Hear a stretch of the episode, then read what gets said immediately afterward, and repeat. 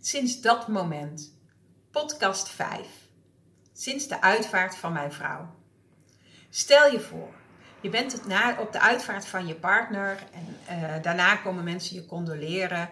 En het oude buurmeisje van je partner komt naar jou toe. Hevig overstuur, huilend en ontzettend boos op jou. Je hebt tijdens de uitvaart niet gehuild, dus je hebt niet van haar gehouden, bijt ze je toe.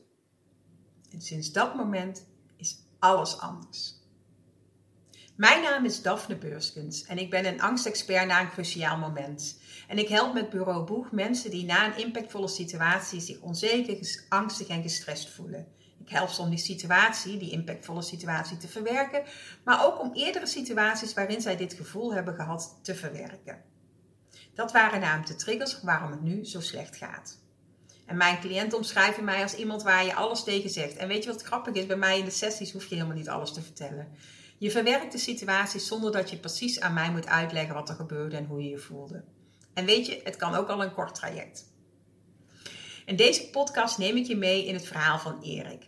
Omdat hij tijdens de uitvaart van zijn vrouw niet had gehuild, kreeg hij het verwijt van haar oude buurmeisje dat hij niet van haar heeft gehouden. En sinds dat moment was voor hem alles anders. De vrouw van Erik die was uh, ongeneeslijk ziek en heeft een lang ziektebed gehad. En uh, zij hebben samen in die tijd alles gedaan wat ze nog wilden doen. Mooie herinneringen gemaakt. En ja, haar kwaliteit van haar leven ging achteruit. En haar overlijden was dus ook helemaal prima in de maanden na haar, richting haar overlijden hebben ze samen haar uitvaart ook uh, geregeld. En, uh, zodat hij in ieder geval zou zijn zoals zij hem wil hebben en waar zij zich uh, ja, goed bij zou voelen als het op de manier zou gaan zoals zij het voor ogen had. En dat voelde fijn om dit samen met elkaar vorm te geven en op deze manier ook samen naar een einde te maken aan hun leven die ze heel lang met elkaar gedeeld hebben hij was tijdens de uitvaart ook super tevreden over hoe het liep. Hij was trots op zijn vrouw, want zij had dit dus in, in, tijdens haar ziektebed allemaal nog maar geregeld. En hij was heel tevreden over het verloop, omdat het precies was zoals zij het bedacht hadden. En uh, daarom had hij dus ook niet hoeven huilen, want hij was heel erg bezig met uh, eigenlijk het genieten om, van, van het moment, hoe, ja, de mooie laatste afscheid wat ze samen eigenlijk nog hadden vormgegeven.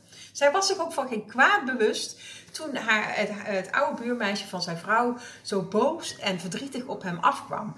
Um, hij, zij sneerde dus naar hem dat hij niet van haar gehouden zou hebben omdat hij niet gehuild had. En nou ja, die ene opmerking die raakte hem zo dat hij zich helemaal ging twijfelen aan hoe hij zich tijdens de uitvaart gedragen had. De opmerking ging onder zijn huid zitten en bleef weken en zelfs maanden nog door zijn hoofd spoken. En steeds weer dacht hij terug aan de momenten met zijn vrouw waarin ze samen grappen hebben gemaakt over haar naderend overlijden. En hij kreeg steeds meer spijt van hoe hij had gedaan en wat hij daar grappen over had gemaakt, dat hij om had gelachen. En hij was nu bang dat hij zijn vrouw het gevoel had gegeven um, dat, hij, uh, dat hij niet van haar had gehouden. En dat hij eigenlijk alles voor haar over had gehad, maar dat zij dat nooit heeft geweten. Dus gedurende de maanden na het uitvaart veranderde eigenlijk alles. Hij veranderde. Uh, hij wist gewoon niet hoe hij het leven zonder zijn partner op moest pakken. Um, omdat hij dus eigenlijk bang was dat hij haar iets tekort had gedaan. En hij was ook nog eens bang dat hij in de toekomst andere belangrijke mensen teleur zou gaan stellen. Hij voelde zich slecht. Hij wilde niemand teleurstellen. Hij was teleurgesteld in zichzelf. Hij was onzeker geworden en merkte gewoon dat hij steeds somberder werd. Um, eenzaam ging voelen en zich steeds meer ging terugtrekken. Nou, op een gegeven moment was, was hij er helemaal klaar van mee. En hij maakte dus een afspraak met mij. Uh, omdat hij eigenlijk nog maar weinig aan het leven vond. En uh, hij helemaal niet meer de persoon was die hij was hij snapt echt wel dat het overlijden van zijn vrouw niet eh, in de koude kleren is gaan zitten. Maar hij had het gevoel dat zijn neerslachtigheid niet alleen met het overlijden van zijn vrouw te maken had. Want het was zo heftig. Terwijl hij eigenlijk wist dat dit het beste voor haar was. En ook dus ook voor hem. Nou, het is helemaal niet raar dat je zo ontzettend van slag kunt raken van een situatie. Dat je lichaam en je geest heftig reageren op iets wat er is gebeurd. Vooral als je het heel naar vond en dat het je raakte. Um, je wil gewoon dit nog niet een keer meemaken. Dus je brein slaat het ook op als iets wat heel gevaarlijk is, wat heel naar is geweest. En is dus ook hyperalert. En heeft er echt, echt moeite mee om het een goed plekje te geven. Nou, als, als je zo heftig reageert op een situatie waar je eigenlijk van denkt, daar hoef ik eigenlijk helemaal niet zo heel heftig op te reageren, dan is het waarschijnlijk zo dat er iets aangeraakt is uit je verleden. Waarschijnlijk heb jij dit gevoel al een keer eerder in je leven gehad en is je brein teruggegaan naar die allereerste keer. En reageert dus eigenlijk weer zoals je ook bij die allereerste keer geregeld hebt, eh, gereageerd hebt. En dat is eigenlijk heel erg goed. Want ons brein is super slim. Die maakt bij alles wat we meemaken een neurologische verbinding aan, zodat we daarop kunnen terugvallen en niet elke keer het wiel opnieuw uit hoeven te vinden. Dus dat als jij in de auto stapt niet hoeft te denken, moet ik dit in Gods hemelsnaam doen? Of nou ja, dat jij uh, gewoon kan fietsen, praten, uh, kan koken, spelletjes kan spelen. Omdat je weet uh, hoe je moet gedragen in een bepaalde situatie. Nou, je brein maakt iets mee, sla, maakt er een neurologische verbinding van. Hij labelt het met, nou handig, je moet vooral blijven doen, of leuk. Of hij labelt het als van, oh, dit was heel naar en dit wil ik echt nooit meer meemaken. Als die verbinding is gemaakt met een bepaalde situatie, een bepaald gevoel, dan komt er ook nog eens een soort extra groot label op te hangen. Dit is vervelend en naar, dit wil je nooit meer meemaken, dus je gaat nu alles eraan doen om dat te voorkomen. Ja, daar worden weer allerlei dingen door het leven aan vastgeplakt, hè, want we maken er een soort netwerk van. Dus vergelijkbare situaties eh, waarin je ook naar voelde, of eh, situaties die eh, leken op de situatie die allereerst is gebeurd. En dan ontstaat eigenlijk een soort netwerk waar een heel groot gevaar op staat. Nou, en wat er dan gebeurt, is als er dus iets uh, aangeraakt wordt in jou wat aan dat netwerk hangt, dan reageer je dus ook weer vanuit die eerste primaire keer dat je hebt gereageerd. En vaak weten we helemaal niet meer welke situaties allemaal in dat netwerk opzitten, omdat we gewoon door zijn gaan gegaan met leven. Nou, je reageert dus heel kunt dus heel heftig op iets reageren waarvan je zelf denkt, ja, het valt eigenlijk wel mee. Uh, maar dat is dus eigenlijk het oude zeer wat er nog in je zit en wat eigenlijk nog steeds niet verwerkt is en nog niet opgelost is. En dus die hele neurologische, dat hele neurologische netwerk in stand houdt. En dat was dus ook bij Erik.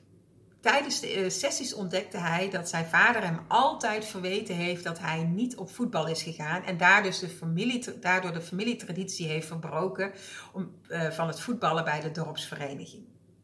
Zijn vader vond hem eigenlijk niet loyaal aan zijn familie. Hij had gewoon ook op voetbal moeten gaan. Ook al vind je niet leuk, dat doet iedereen. Dat hoort bij ons als gezin. En daardoor had hij, Erik dus, een gevoel gekregen dat hij een slecht kind was, dat hij niet loyaal was en dat hij alles en iedereen teleurgestelde. Dat oude buurmeisje, dat, of dat, dat buurmeisje van zijn vrouw, heeft eigenlijk al die pijn weer naar boven gebracht. Het gevoel was het volledig een eigen leven gaan leiden. Want zij had hem ook het gevoel gegeven: je hebt het niet goed gedaan, je hebt niet van haar gehouden, dus je bent niet loyaal geweest. Nou, gelukkig is er dus iets aan te doen misschien ook fijn voor jou om te weten. Want je mag je dus bewust zijn dat je uh, flink van slag kan zijn door iets wat uh, impact maakte. Dat je daardoor gestrest, angstig en onzeker wordt. Uh, dat je hoofd helemaal vol zit, dat je niet meer goed kan nadenken.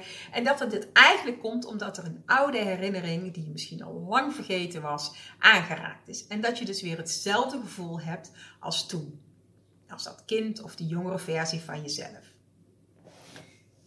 Erik verwerkte in de vijf afspraken die we hebben de situatie met dat buurmeisje tijdens de uitvaart van zijn vrouw. En ook twee situaties met zijn vader, waarin uh, hem echt het gevoel gegeven was dat hij niet loyaal was aan zijn familie en dat hij niet goed genoeg was als kind. Dat het dus een slecht kind was.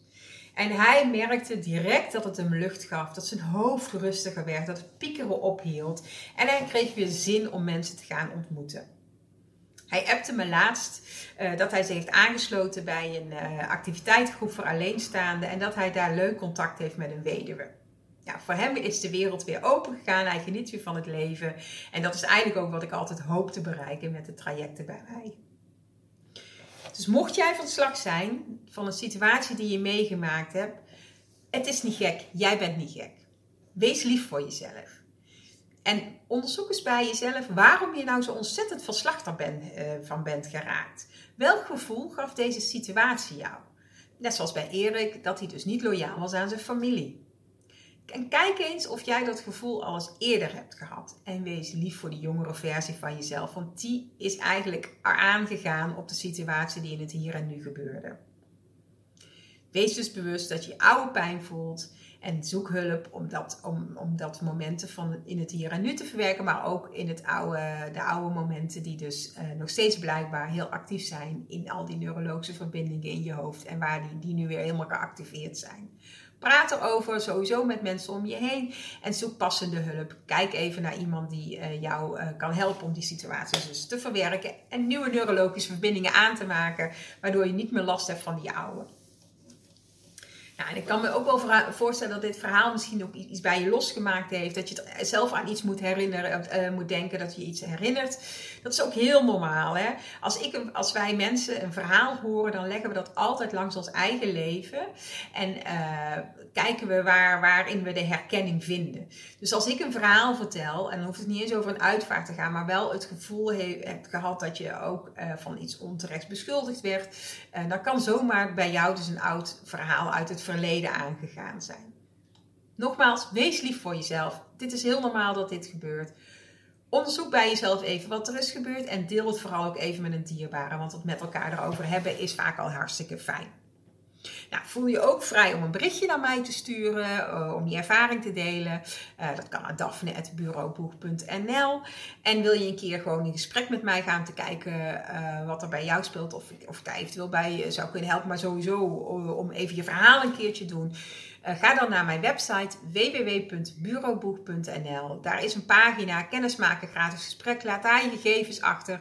Ik neem contact met je op en dan gaan we gewoon een half uurtje samen even kletsen op dat wat jij meegemaakt hebt. En wie weet kan ik al goede tips geven, waardoor het voor jou ook minder heftig wordt en jij alweer meer jezelf kan zijn.